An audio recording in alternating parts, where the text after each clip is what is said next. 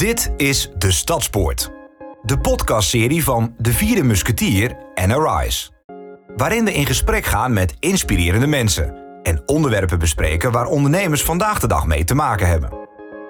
De Stadspoort is in de oude tijd een plaats waar mensen elkaar ontmoeten, kennis deelden, handel met elkaar dreven en rechtspraken.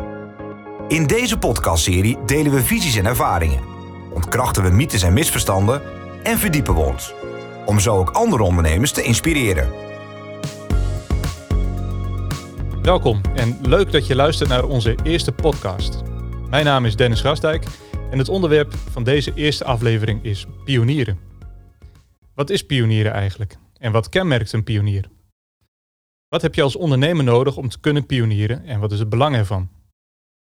Daarvoor ga ik in gesprek met drie inspirerende gasten. Aan tafel Henk Stoorvogel, trainer, coach bij je eigen bedrijf HR Live Communications. Oprichter van de Vierde Musketeer.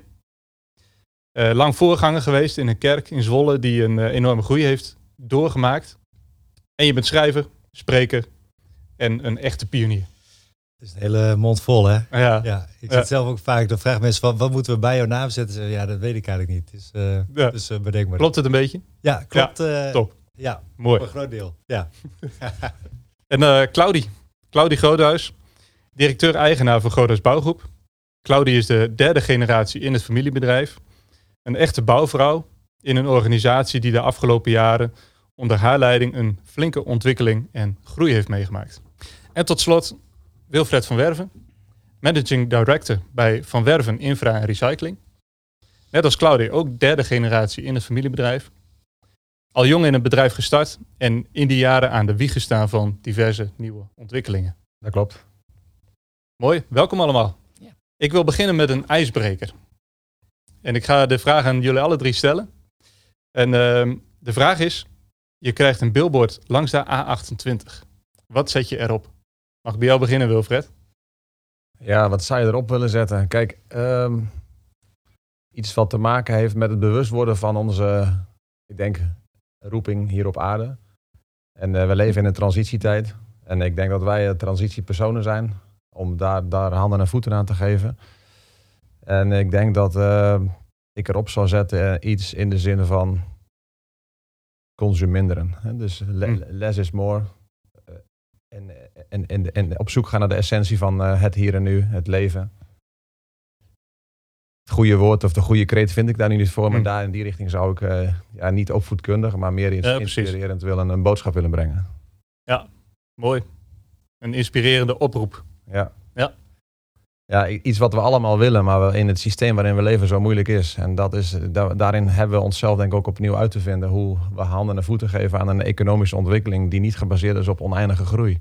Mhm. Met oneindige uh, consumptie van producten, energie of wat dan ook maar het uitvinden van een nieuwe economie en een nieuwe ruilwaarde voor activiteiten of diensten. Ja. Met een mooie donut uh, erbij. Ja, zo zou je het kunnen uitleggen. Ja. Ja. Ja, Grafisch maken, ja. Ja, mooi. Ja. Mooi. Dankjewel. Claudie, wat zou jij erop zetten? Um, ik denk dat ik erop zou zetten, uh, je hebt een keuze of er is een keuze. Um, wat mij opvalt is uh, ja, in tijden van uh, ja, waar je niet invloed hebt op omstandigheden die er zijn. Nu heel duidelijk natuurlijk ook waar uh, uh, in de wereld, uh, wat we in de wereld meemaken. Dat je juist een keuze hebt hoe je daarin gaat staan. Hoe je daarin bewust bent van welke stappen je als mens ook mag zetten. ja, ik denk dat ik zoiets erop zou zetten. Je hebt een keuze. Mooi. Ook, ook bewustwording dus. Ja. ja. Mooi, dankjewel. En Henk? Ik was uh, vorige week in een klooster en daar la las ik een zin, ik weet hem niet meer precies, maar dat kwam uh, meteen in mij op. Um, de meest verwonde zielen hebben de meeste vreugde nodig. Uh, zoiets. of vreugde is Gods geschenk voor de ver verwonde ziel. Maar die verbinding tussen verwonding en vreugde. Vreugde, dat is echt wel een woord wat ik heel vaak gebruik en ook waar ik veel aan bid en naar verlang. En daar dacht ik van, hé, hey, maar dat heeft dus eigenlijk misschien ook wel te maken met mijn verwonding. Dat je daarnaar verlangt. Mm. Dus, uh, en volgens mij verlangen heel veel mensen naar vreugde. Dus dat is toch iets wat we omdat we verwond zijn, verlangen we naar vreugde en naar een mooie kerst en naar al die mooie dingen. Precies. Misschien wel extra in deze tijd. Ja. Mooi.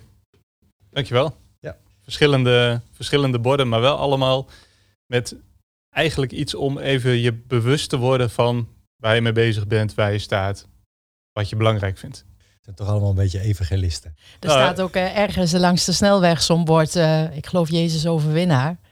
En eh, het mooie is wanneer je daar langs rijdt en eh, er zijn altijd mensen in de auto die dat opvalt, je kinderen of anderen. Ja. Dan denk ik altijd wel van ja, om op zo'n manier eh, ook te getuigen.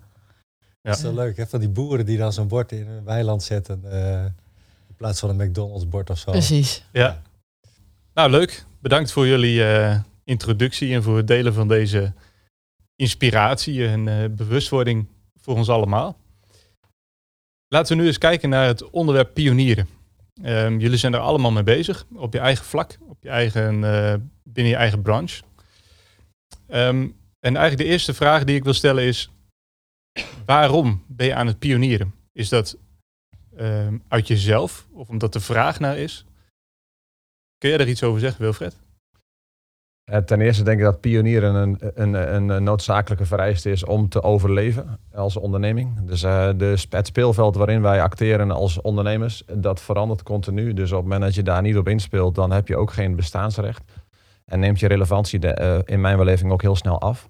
En als je relevantie afneemt, dan ben je niet meer interessant voor de markt en zul je geen producten of diensten verkopen. En dan ben je zeg maar ten dode opgeschreven. En op die manier katalyseert, zeg maar, katalyseert dat systeem zichzelf ook continu. Dus eh, het is echt een, eh, ja, een de, de, eh, ja, je moet de beste zijn en willen zijn continu. En daarvoor moet je pionieren.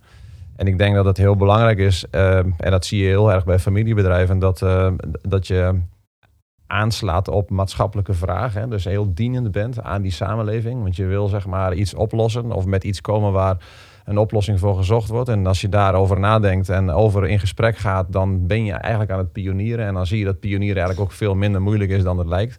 Mhm. Want wij zitten echt niet in een hoek na te denken over innovatie. Het overkomt, de ene innovatie naar de andere overkomt ons min of meer. Door zeg maar een soort stukje chemie tussen klant en, eh, en, en ons en medewerkers die daar een enorme bijdrage aan leveren.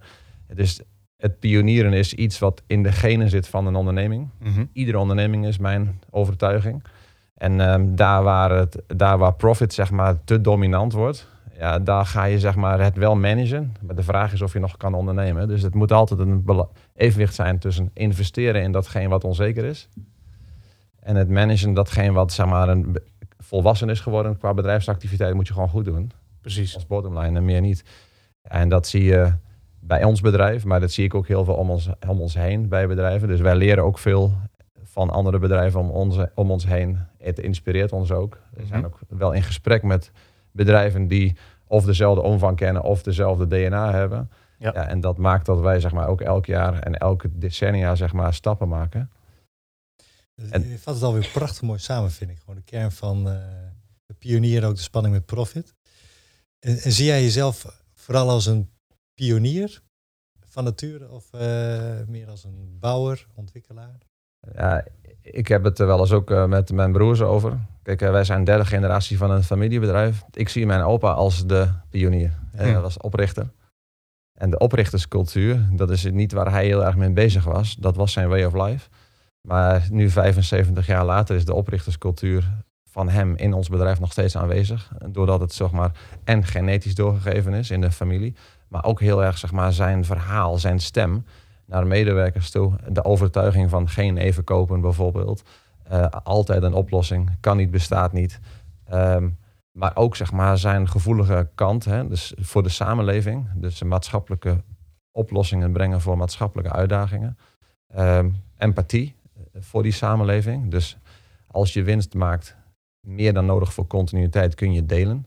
Hè, dus Hmm. het, voor hem was in die tijd was economie nog net zoveel filosofie. En Ja. tegenwoordig is economie zeg maar best wel vaak doorgeslagen in de zin van profit. Dat is Nou. toen nog puurder, zeg maar. Nou, ik wil het niet kwalificeren. Alleen eh, eh, eh, op dat moment had je in, de, in die. Als je kijkt naar de geschiedenis, er zijn hele moeilijke jaren geweest. Mijn, mijn opa en mijn ouders hebben echt met he- heel veel offers gebracht, met heel nederig geleefd om die onderneming te krijgen daar waar we nu zijn. Maar ze hebben ook altijd, zijn altijd gegroeid en hebben eigenlijk nauwelijks dan nooit zeg maar, verliesgevende jaren gehad. Ze hebben altijd wel kunnen bouwen. Maar op het moment dat je zeg maar, geld verdient, dan ben je in staat om een deel van je eigen inefficiëntie te, te financieren. Dat kon toen ook. Hè? Dus, uh, um, niet, niet dat het toen niet goed was, maar je kon ook makkelijker delen. Maar de businessmodellen en de concurrentie is op dit moment zo verschrikkelijk hevig. Dat je eigenlijk zeg maar, ja, zo stevig moet managen dat je eigenlijk nauwelijks nog, als je niet oplet, niet kan delen. Dus nauwelijks foutenmarge meer. Uh. We leven niet echt meer in een foutvriendelijk klimaat. En uh, dat maakt het zeg maar uitdagend. Maar tegelijkertijd ben ik ervan overtuigd dat, dat wij hebben vertrouwen in zeg maar, het delen van succes. Hm. Um, op basis van fair share. Hm. Dus wij zeggen, mijn, ik ben opgegroeid met, het, met de, de boodschap, als je iets geeft, dan krijg je dat terug. Hm. En, en, en, en, in die tijd zeg maar veel minder vanuit een geloofsbeleving in die fase bij mij dan op dit moment. Maar dat is wel het stemmetje waarvan ik, ah, dat bedoelden ze daarmee. Ik begin, het, ik begin naarmate ik ouder word, beter te de boodschappen van mijn ouders of voorouders beter te begrijpen. Herken jij dat, Claudie? Is dat ook iets... Uh... Ja, nou, wat ik herken, uh, ons bedrijf is ook derde generatie. Uh, nou, we bestaan iets minder lang dan jullie, Wilfred. Maar mijn opa is uit noodzaak begonnen. hij was eigenlijk al, ik geloof, 40, dus eigenlijk best oud om een eigen bedrijf te starten. En ik zie hem ook echt als de pionier. En uh, ja, ik, het is ook wel heel bijzonder wanneer je terugkijkt wat zo'n fase heeft. Dan gaat het echt om vakmanschap. Dan gaat het echt om, ja, eigenlijk uh, doen waar je talent voor hebt gekregen. En uh, wat een familiebedrijf dan kenmerkt is, ja, je gaat daarmee door. Maar uiteindelijk, als ik naar mezelf kijk, ik ben geen timmerman. Mijn opa die heeft echt hooibergen gemaakt, die heeft um, verbouwingen gedaan. Ja, en nu uh, mag ik zomaar een bedrijf leiden zonder dat ik enige kwalificaties heb op dat gebied. Maar wat ons wel kenmerkt is denk ik ook onze DNA-waarden, uh, die ook door onze vaders uh, over zijn gegeven aan ons en ook door mijn oma. Uh, want zij heeft ook altijd een belangrijke rol gehad. Uh, en dat zijn toch wel uh, ja, betrouwbaar zijn, klant hoog houden, met respect naar elkaar toe. ja, en ook je medewerkers, om hen ook op een waardige manier te behandelen en hun kennis ook te gebruiken. Nou, en wanneer ik die lijn zo doortrek, ja, dan denk ik wel dat we nu weer in een soort pioniersfase beland zijn. Uh, want ik herken er ook in, uh, de wereld uh, verandert. Ja, ik geloof eigenlijk dat je continu in transitie bent. Dus stilstaan is geen optie. En dat betekent voor ons ja, dat wij ook echt wel een visie neerleggen voor de lange termijn. En dat we door die visie uit te spreken, ja, stappen zetten. En uh, inmiddels is de grootte van ons bedrijf ook niet meer uh, te managen uh, door een familie. Uh, moet je dat ook breder neerleggen. Maar dat zijn allemaal wel fasen die je doorloopt. Ja, dus in die zin herken ik me wel in jouw verhaal, Wilfred. Ja, ja. ja ik hoor daar heel veel overeenkomsten ook in. In, in hoe jullie er tegenaan kijken. Eigenlijk zeg je van, pionieren is ook gewoon nodig voor je voortbestaan. Ja. Jullie zeggen allemaal, onze opa's, dit waren wel echte pioniers.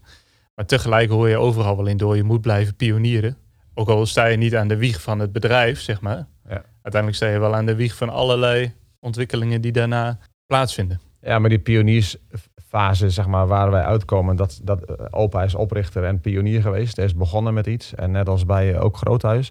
Maar je, als, uh, we, jullie bouwen geen hooibergen meer. Nee. Ja, dus jullie bouwen zeg maar, op dit moment oplossingen voor klanten. Eigenlijk is het gebouw is niet meer dan een middel. Het, de bedoeling Klopt. is totaal anders geworden. En dat zie je in ons bedrijf ook. En de activiteiten zijn steeds breder geworden. Vroeger handel in boerengeriefhout naar zeg maar kunststofrecycling. Ja, dat krijg je normaal gesproken niet in je hoofd aan elkaar geregeld hoe dat met elkaar te maken heeft. Maar in 75 jaar tijd kun je dus van rondhouthandel naar kunststofrecycling groeien. Of misschien wel naar de opwekking van hernieuwbare energie.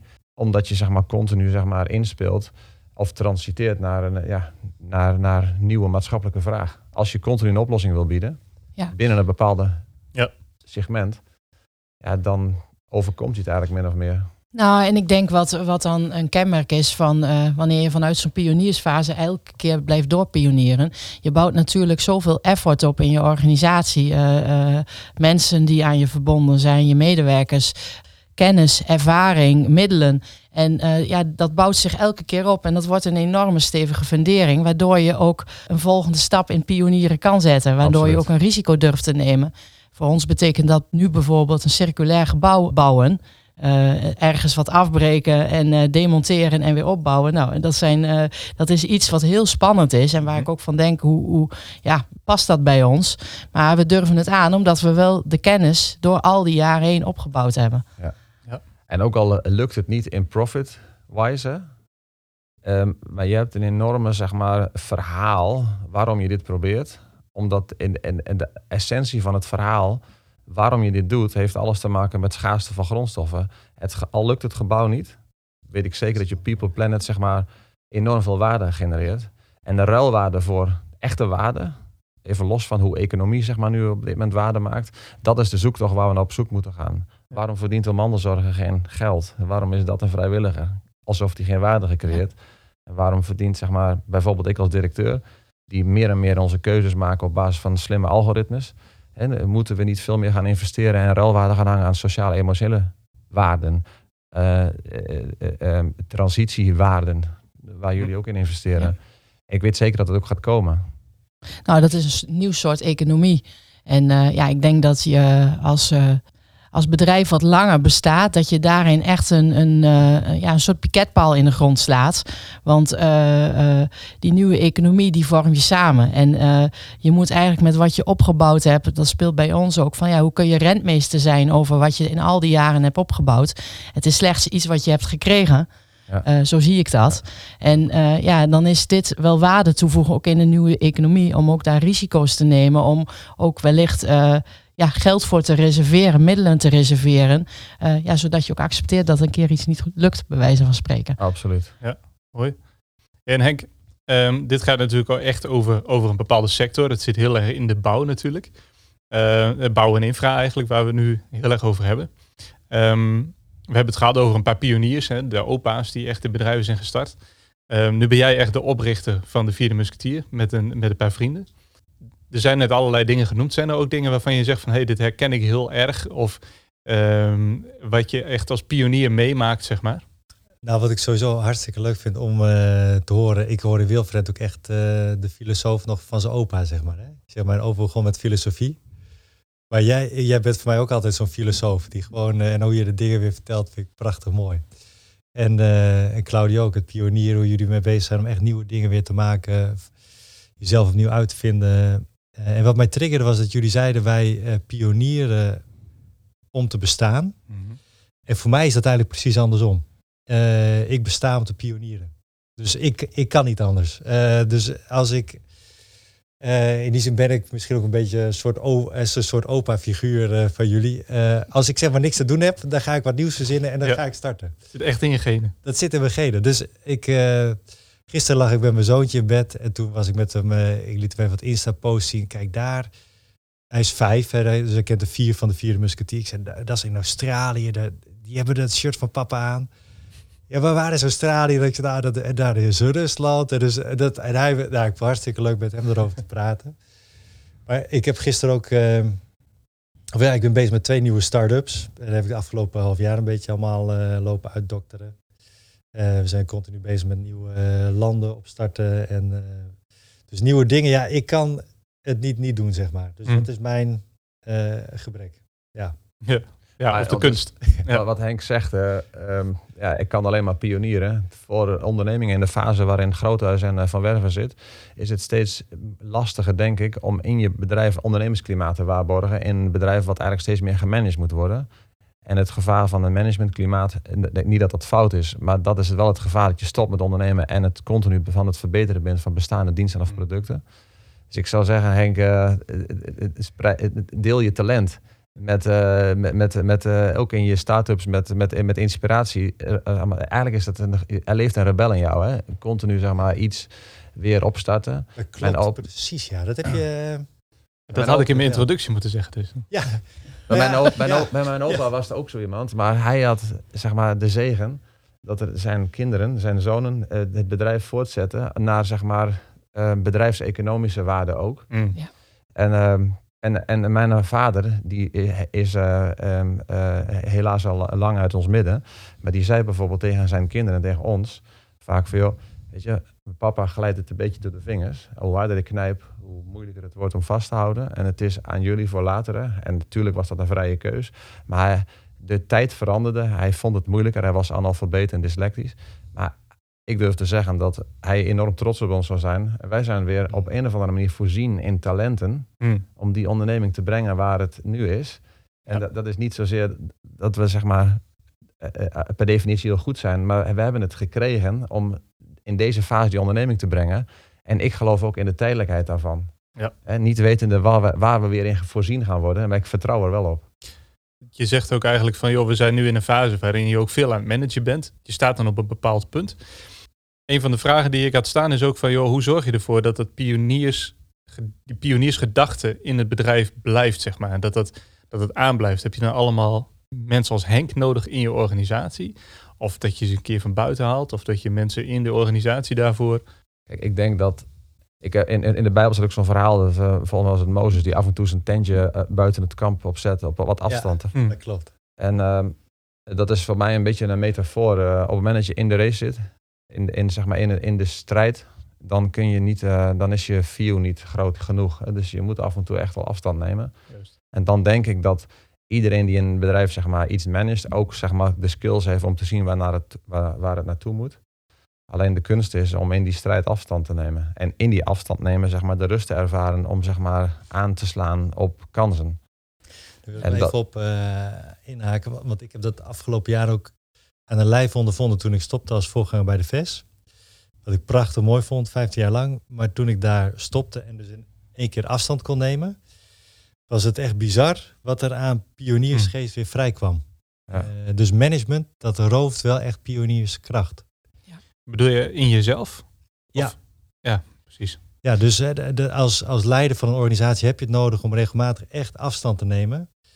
Zodat je weer in die pioniersvrijheid kan komen. En daar, daar zal je bedrijf of je organisatie wel bij varen, ben ik van overtuigd. Nou, ik merk heel erg aan mezelf in tijden van drukte. En dan ook eh, voor de kerst is zo'n periode. Dan lijkt het alsof er na de kerst niks meer eh, kan. Eh, maar dat je zo opgaat in de operationele zaken. Eh, afspraken moeten gedaan. Je wil nog even naar een klant. En juist eh, ehm, de momenten van vakanties. En de momenten van dat je heel bewust kiest voor een studie. Of iets eh, zelf eh, oppakt. Een passie van je. Dan kom je vaak eh, tot hele mooie inzichten. eh, die je in je organisatie wilt leggen. Maar er is ook een valkuil. Want ik merk zelf soms dat ik eh, ergens eh, eh, aan de zijlijn wellicht sta. eh, en enorm aan het trekken ben om een organisatie mee te krijgen. En de uitdaging is ook om je bewust te zijn van waar een organisatie staat. En als pionier kun je soms hele mooie ideeën hebben en je kan een visie neerleggen. Maar uiteindelijk heb je de mens mee te krijgen daarin. En eh, het heeft mij geleerd om daarin ook, eh, of ik heb geleerd om daarin ook geduld te hebben. Eh, en eh, ja, Mozes was ook niet in één dag eh, de woestijn door. Eh, om maar even bij die metafoor te blijven. En geduld is ook iets wat een pionier eh, ook in zich mag hebben.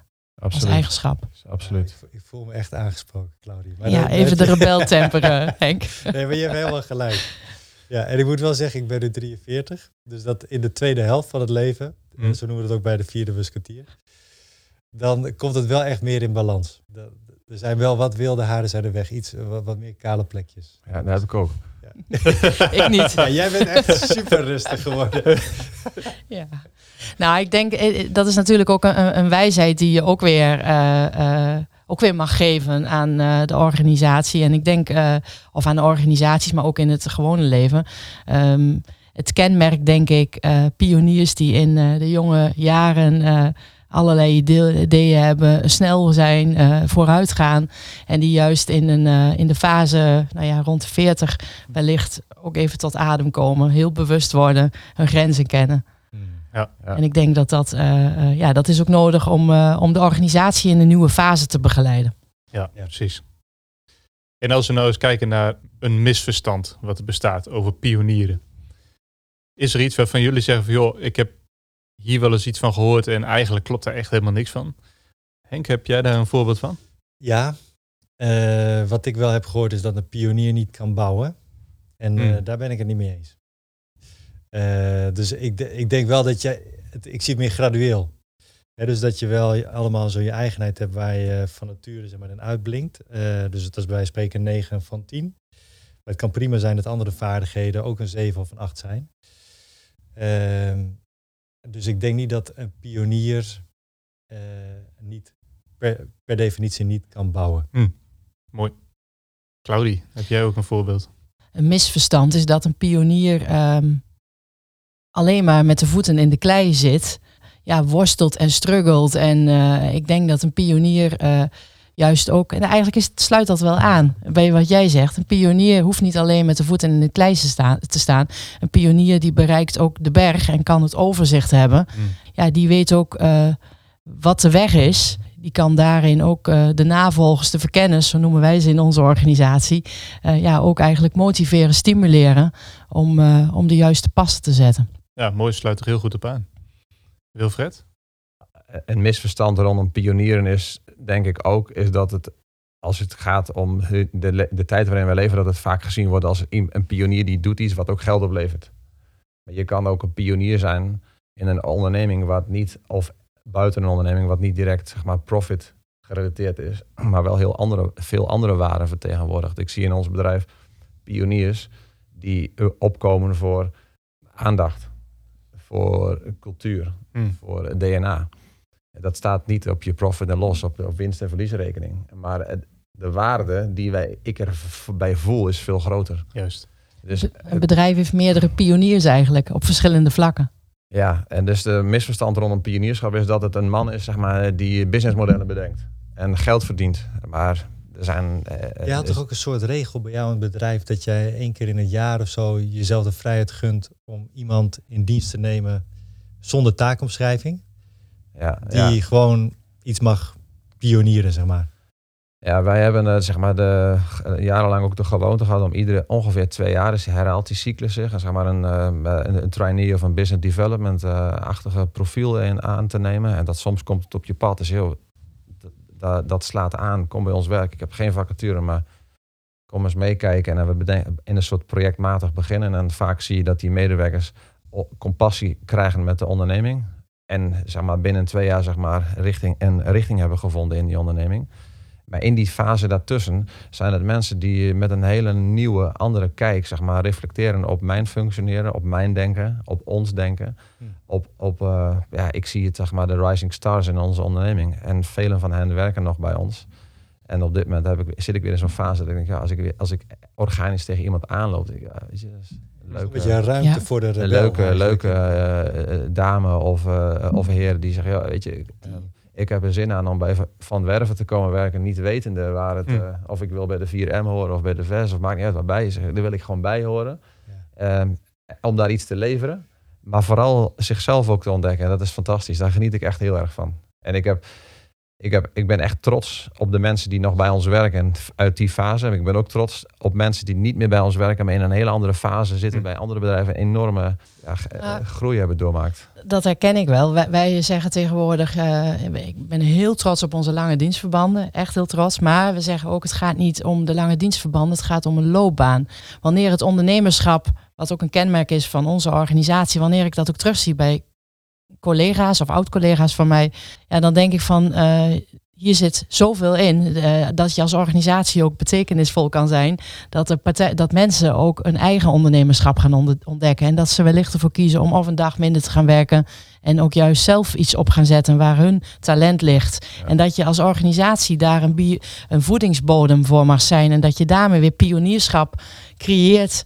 Ja, dan eh, is je organisatie veel meer dan inderdaad eh, financieel rendement. Maar dan gaat het om rendement van welbevinden. Ja, en eh, ja, dat, dat vind ik eh, een heerlijke geur die zich verspreidt. Ja, dat vind ik ook. En ik ben heel blij met bestaande structuren. Hè. We kennen vanuit het verleden hoe organisaties eruit zien, zeg maar, vaak als een kerstboompje. Of ondernemingsraden die daar een rol in spelen. Maar bijvoorbeeld de gedachte om met de young professionals wat te gaan doen in onze onderneming, zeg maar, le- leeft al een tijdje om te kijken van hoe kunnen we hen ook een podium geven waarop ze, zeg maar, eh, elkaar ook zeg maar, eh, verder kunnen helpen, eh, waarbij we eh, samen verder kunnen komen. Omdat ik heel erg zie dat met name twintigers van nu ehm, eh, heel anders, een groot deel van die groep kijkt anders aan tegen maatschappelijke problemen dan zeg maar Ja. mensen met langere dienstverbanden bij ons. Je, je, je, je zou kunnen denken, mijn tijd zal het wel duren. En de jongere groep die heeft juist het gevoel van ik wil er een bijdrage aan leveren. Dus ik heb het eh, absoluut het, eh, de overtuiging dat die nieuwe groep mensen ons ook in transitie houdt. En in plaats van dat we zeg maar blijven werken aan in principe, ja, met alle respect, de oude economie. Ik zie echt een nieuwe economie voor me. Mijn Ja. vader die had ook altijd, die was voorganger, maar die had een hele leuke zin. eh, die was dan kerk ook aan het eh, vernieuwen. En die had als stelregel de cultuur van ja. Dat is heel erg bevorderend voor een pionier in de cultuur. Dus hij zei, ieder lid van de gemeente, als hij komt met een plan bij de kerkenraad, dan zeggen we altijd ja. Dus niet ja maar, maar ja. En er waren wel een paar spelregels bij. De mensen moesten wel bereid zijn hetzelfde te gaan doen en na een paar maanden evalueren. Maar een van zijn zinnen daarbij was: Ik ben altijd dol op ideeën die ik niet begrijp. Hm. Want ik ga ervan uit dat de wereld van de jonge mensen, ik begrijp het niet. Dus zodra ik een idee krijg dat ik niet begrijp, is het een goed idee en dan gaan we het doen. En dat, ja, dat vind ik ook van die eh, fantastische uitgangspunten. Dat is ruimte geven, hè? Ja. Ja. Een pionier die mag het ook in zich hebben om ruimte te geven. En die pioniersgeest ook door te geven. En daarmee ook eh, ja, anderen te laten groeien en bloeien. Ja. Heb jij dat ook zo meegenomen, Henk? Ja, die cultuur van ja is iets wat ik super belangrijk vind. En eh, wat ik ook, ja, in principe ben ik altijd voor elk idee. Hm. En, en zeker van jonge mensen. En ja, dat, dat iedereen die eh, kinderen in de tienerleeftijd heeft, die weet ook dat zij weten meer van sociale media en computers en weet ik wat allemaal dan. Dus je vraagt hun om jouw probleem op te lossen. En zo is het in organisaties eh, ook. Ze denken heel anders. Eh, als je kijkt in de Randstad, eh, daar, daar ga je geen talent eh, binnenhalen met een auto. En ze vinden Mhm. een auto, wat moet ik met een auto? Ik wil leven, ik wil beleven. Dus geef me ruimte, geef me vrije tijd. Die auto, eh, die mag je houden. Je hebt daar gewoon dertigers die, die dan, dat hoor ik dan van bevriende ondernemers, die zeggen, ja, dan hebben mijn medewerkers tijdens lunch een gesprek. Ja, hoe zou het zijn om een auto te hebben? Ik heb gewoon nog nooit een auto gehad. Dat vinden ze helemaal niet belangrijk. Nee. Terwijl wij, voor de oude generatie, toch een auto is een statussymbool. Hè? Daar kun je dan politie mee inhalen. Dat soort dingen. Ja, maar, precies. eh, ja, dat is... Ah, mooi. Ik hoor bij jullie alle drie dat je eigenlijk ook wel echt het pionierschap stimuleert. In de organisatie, in de, eh, op de plekken waar je werkzaam bent. Ehm, Henk, we hebben jou ook gevraagd van zou je eens willen kijken naar een voorbeeld uit de Bijbel? Ehm, die ook, wat ook echt een relatie heeft met pionierschap. En eh, ik had een voorbeeld. En toen werd hier in de podcast werd al genoemd Mozes. Dat was niet het voorbeeld wat ik had. Maar eigenlijk de pitch die ik wil maken. Is dat eh, ik denk dat zo'n beetje elke hoofdpersoon in Bijbelverhalen. op zijn of haar manier een pionier was. En ook dat dat de, de reden is. dat ze de bladzijden van de Bijbel hebben gehaald. Rebellen. Rebellen. Dat vanaf het allereerste begin. eh Kain, de rebel. Ja, die, eh, en dat ging dan vloog uit de bocht. Eh, Noach, de rebel. Hè, een, een boot bouwen op het droog terwijl het nooit heeft geregend. Mhm. Abraham, de rebel, die, die eh, ver weg gaat trekken. En God durft te gaan gehoorzamen. Zonen durft te gaan offeren. en, en zo gaat het maar door. Het zijn stuk voor stuk rebellen. En ik denk dat dat ook een van de belangrijke redenen is dat hun verhalen de pagina's van de Bijbel hebben gehaald. Eh, God heeft pioniers nodig. Absoluut. Mooi. Ik denk Absoluut. dat dat een hele mooie boodschap is. Ja. Dus we worden ook opgeroepen om ons, ons eigen pionierschap aan te boren eigenlijk. En om de pionier in jezelf te ontdekken en soms even iets meer rebel te worden. Ja, ik, ik denk dat we, we kunnen hier een prachtig mooi programma over maken. Een soort eh, trainingsweekend. Ontdek de pionier in jezelf. Of, eh, Nou, in principe is Ik er ben voor. iedere rebel verzet een norm. Dus op het moment dat jij, zeg maar, kijk, wij we leven natuurlijk in een, in een samenleving waar eh, wat door wetten, zeg maar, ge- eh, gecontroleerd en gereguleerd wordt. Alleen op het moment dat jij, zeg maar, in transitiefase zit, nou, ik, ik noem maar een voorbeeld, circulaire economie. Ik weet zeker dat Groothuis te maken heeft met het inpassen van circulaire producten in een gebouw waar ook een bouwbesluit aan, volda- aan voldaan moet worden. Ehm, wij maken van afvalstoffen grondstoffen. Wanneer is het volgens de wet end of waste? Dat bestond en bestaat wetmatig op veel producten niet. Alleen ergens is het een keer einde afval, begin nieuwe grondstof. En, en je wil voorkomen dat die begin van een nieuwe grondstof eh, een grondstof is die vervuild is en weer toegepast wordt aan nieuwe producten. Hm. Uiteindelijk zeg je, oké, maar het kan toch niet normaal zijn dat we dat verkopen of, of eh, verbranden of storten.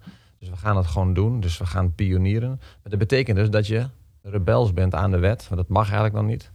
Overheden spelen daar een rol in om ons daarin te faciliteren. Zeg maar artikel 5, door de vingers zien.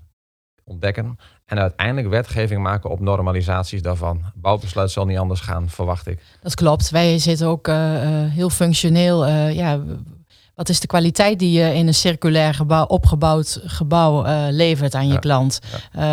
Hoe gaat het met de krachten van de constructies? Ja. Nou, dat zijn eigenlijk allemaal vragen waar we de antwoorden nog niet op weten. Maar het niet doen zorgt zeker dat je de antwoorden niet krijgt. En maar als je wacht op de, tot de wetgeving is, kun je niet bouwen. Nee. Jullie gaan bouwen. Dus je zet- verzet een norm. Vervolgens bewijs je dat het kan. Er komt wetgeving voor om het in te passen. Dus op het moment dat je, je moet continu, als je de norm verzet, komt er wetgeving voor. Dus als je zegt, joh, dit is niet normaal, dan gaan we veranderen. Dus we verzetten de normaal, ja, klopt. komt er wetgeving om dat aan te passen. Dus je moet altijd een beetje over de randen van de wet Klopt. acteren. Ik zeg niet op alle fronten. Met verstand en beleid in gesprek met. Zichtbaar zijn. Ehm, transparant zijn. De bedoeling ervan zeg maar kunnen weerleggen. Ja. dan kom je samen als samenleving ook veel verder. En in, eh, eh, wat Henk ook net terecht zegt in de Bijbel. De metaforen van de mensen die daar de bladzijden hebben gehaald. zijn allemaal zeg maar opgevallen. Ehm, en niet omdat ze in de comfortzone altijd zaten.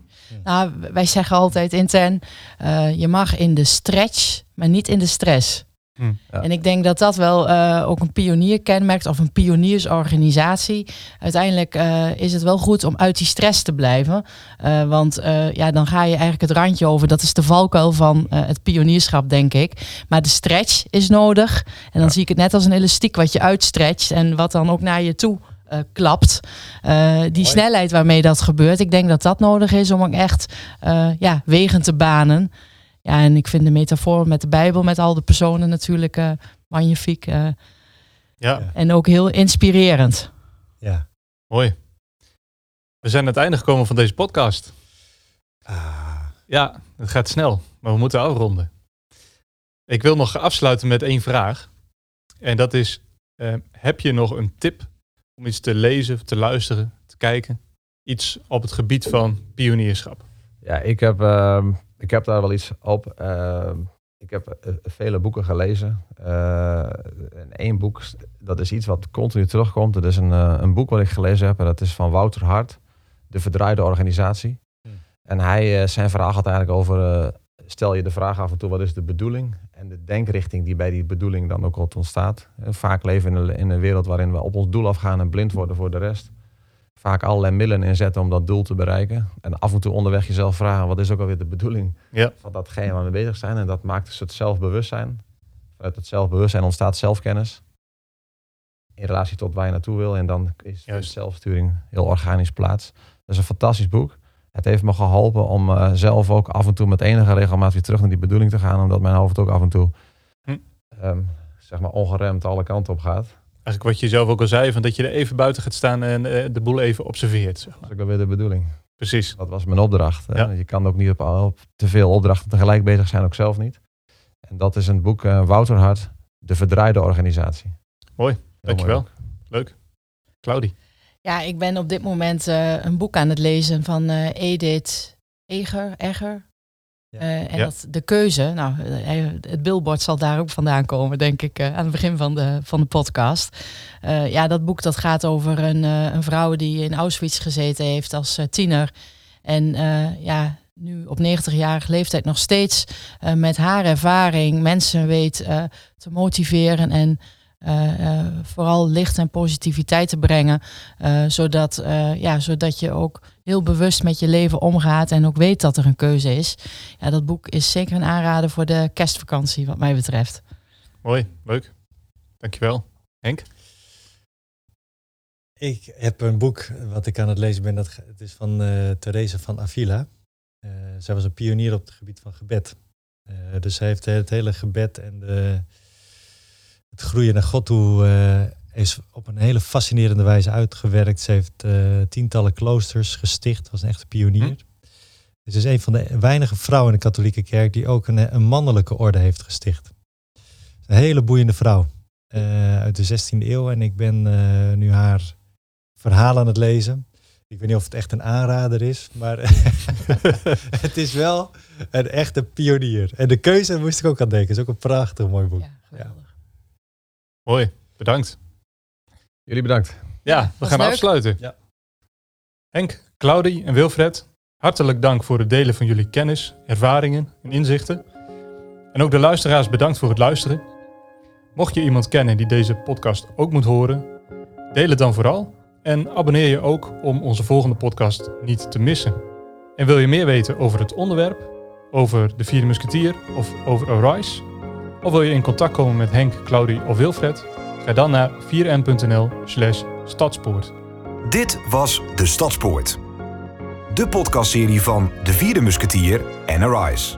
Graag tot de volgende keer.